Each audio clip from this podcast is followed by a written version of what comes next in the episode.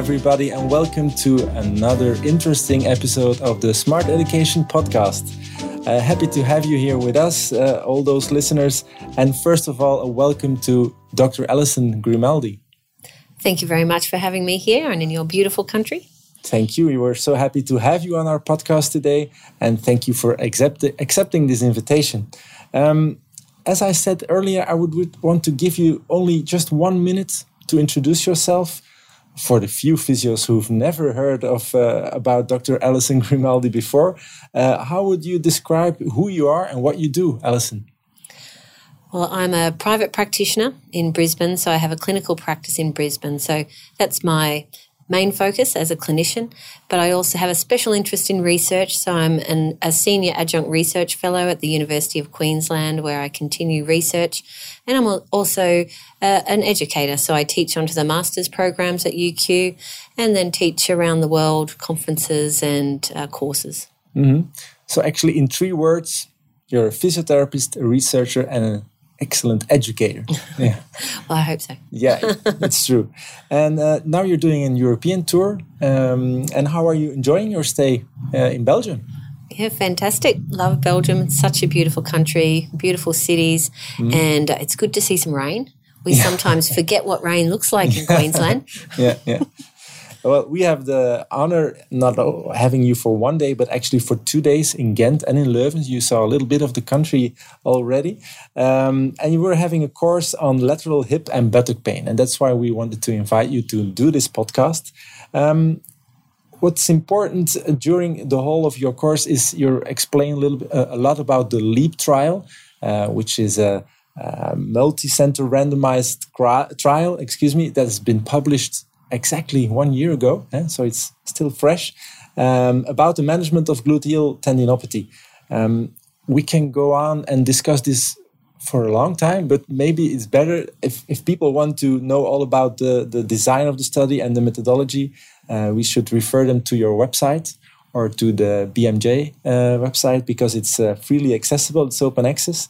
Um, but let's skip maybe that part and go to the straight to the results.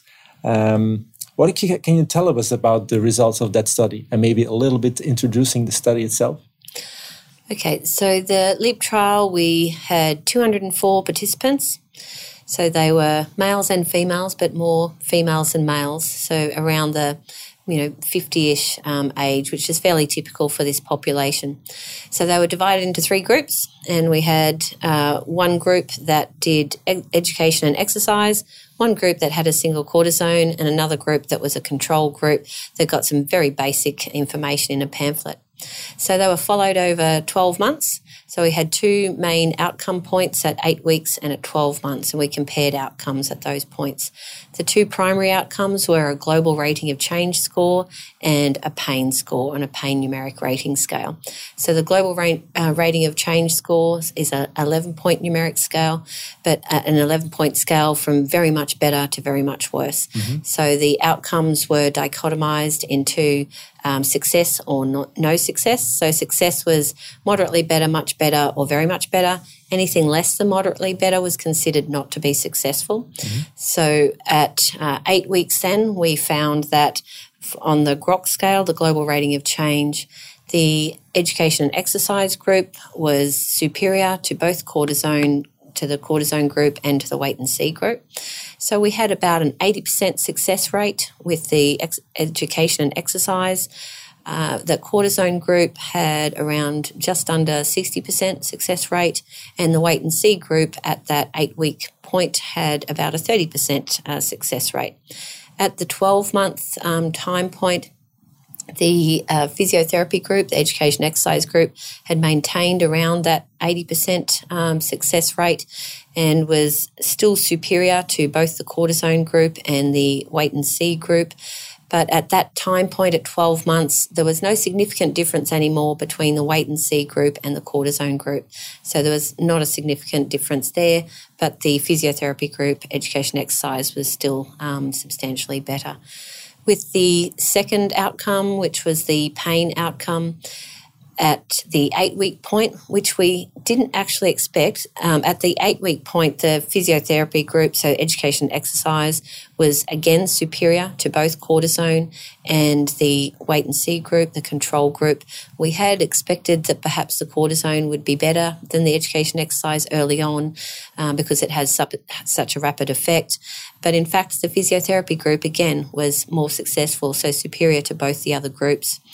By 12 months, uh, the education and exercise group and the cortisone group were both better than the wait and see group, but there wasn't a significant difference anymore at the 12 month point uh, in the pain score. Mm-hmm. But the global rating of change and quality of life scores, it seems to reflect more quality of life, uh, was um, still significantly better. Um, mm-hmm. So the 80% compared to the 60, uh, 50 to 60%. So that shows us that uh, education on load management in combination with an exercise program was uh, superior to the corticoid uh, injection group um, and the wait and see policy. Mm-hmm. Yeah. Well, um, we see that uh, already in our practices as well. But what I tend to see with participants during the course, or maybe also in my own practice, practice, uh, is that sometimes we do generalize the condition a little bit. Um, I mean that we tr- tend to use the same treatment protocol a little bit, some glute work, some myofascial treatment uh, techniques, and some stretching.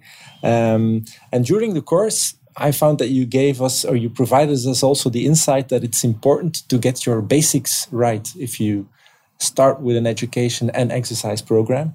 Um, and I mean more the basics more of exercise treatment uh, and doing some proper motor control work uh, because a lot of, of us maybe uh, jump straight, straight away to the, the fancy and more progressive loading exercises. Uh, and is, is that also an important message that uh, we can give to physiotherapists listening to this podcast?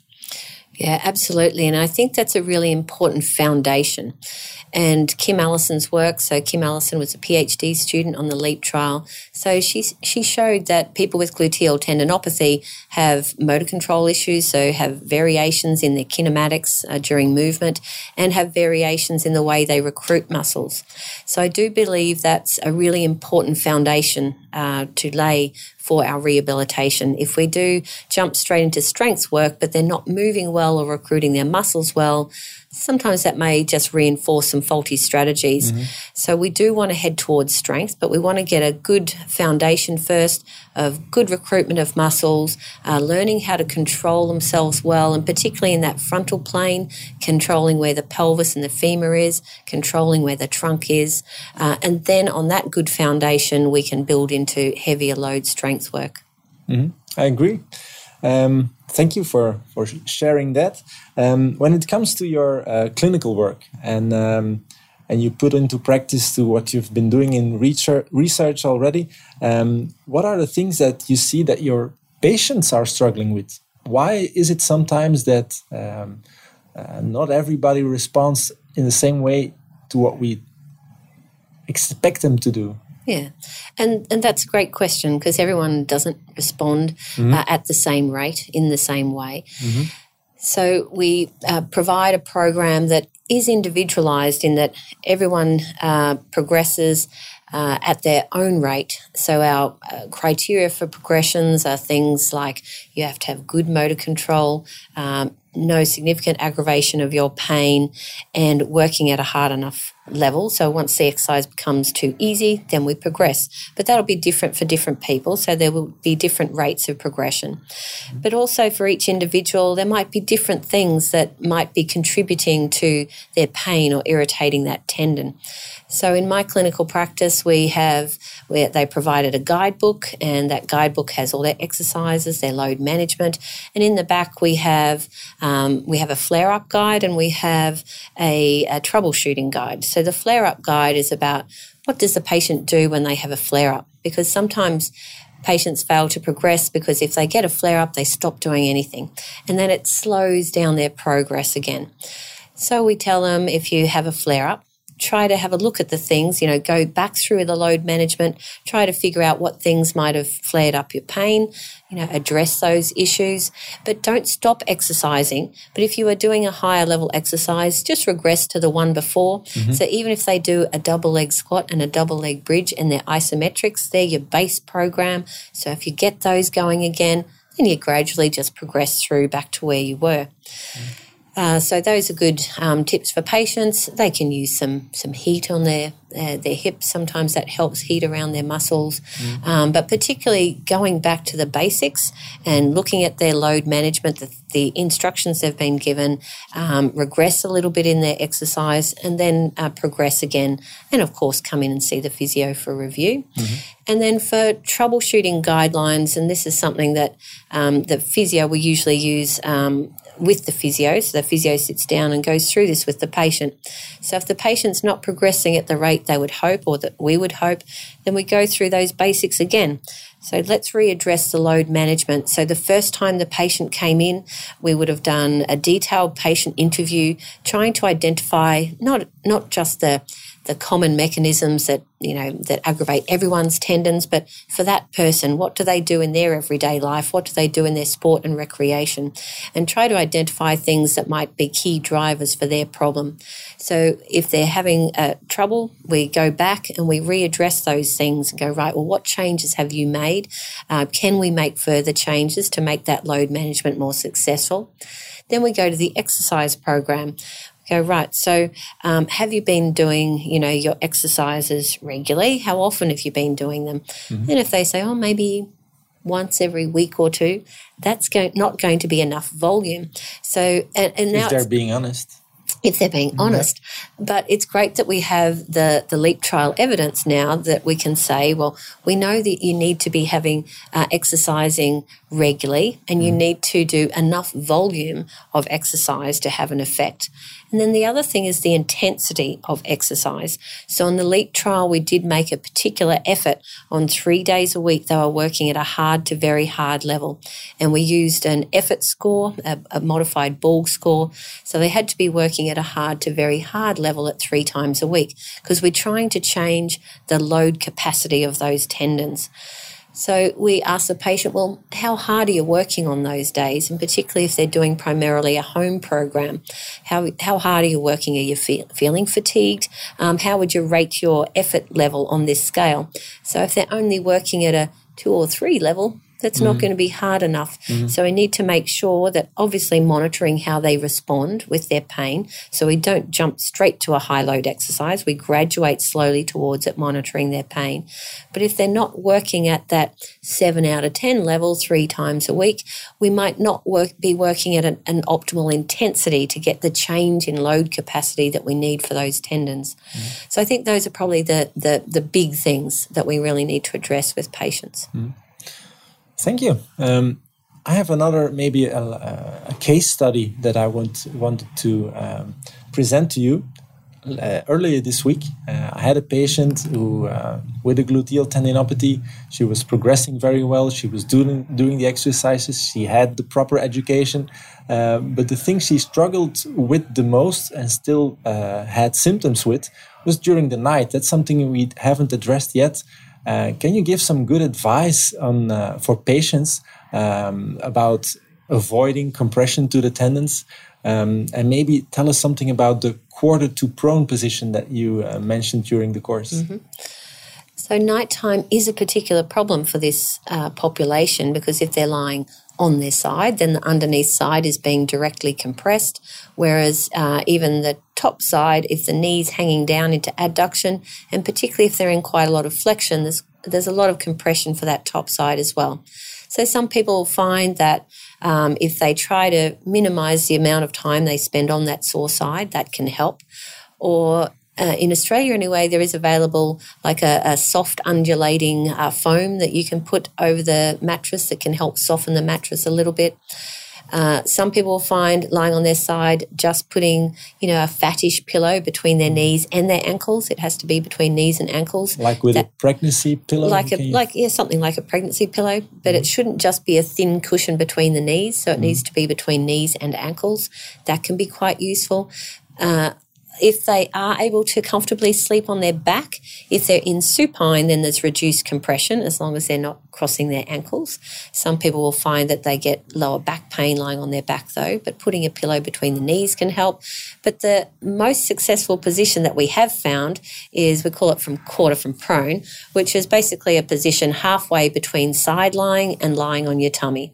So if they lie on their affected side, often that's actually the most useful. So straighten that bottom leg. So the, the bottom affected leg is straight and they roll their whole body and trunk halfway towards the bed so that they are now not weight bearing on their greater trochanter, they're weight bearing on their anterolateral thigh. So for most people, that's quite comfortable. So then the top leg is, um, because they've rolled halfway towards the bed, the top hip is now longer, uh, no longer in adduction, mm-hmm. it's actually in a position of abduction. But to keep them comfortable for the more prolonged periods that you spend when you're sleeping, we have a big pillow that we tuck underneath the hip uh, and the tummy so that they're resting on that, on mm-hmm. that top hip. Mm-hmm. And then they sometimes have another pillow in front to hug. But that's actually been the position that we've found most useful for patients.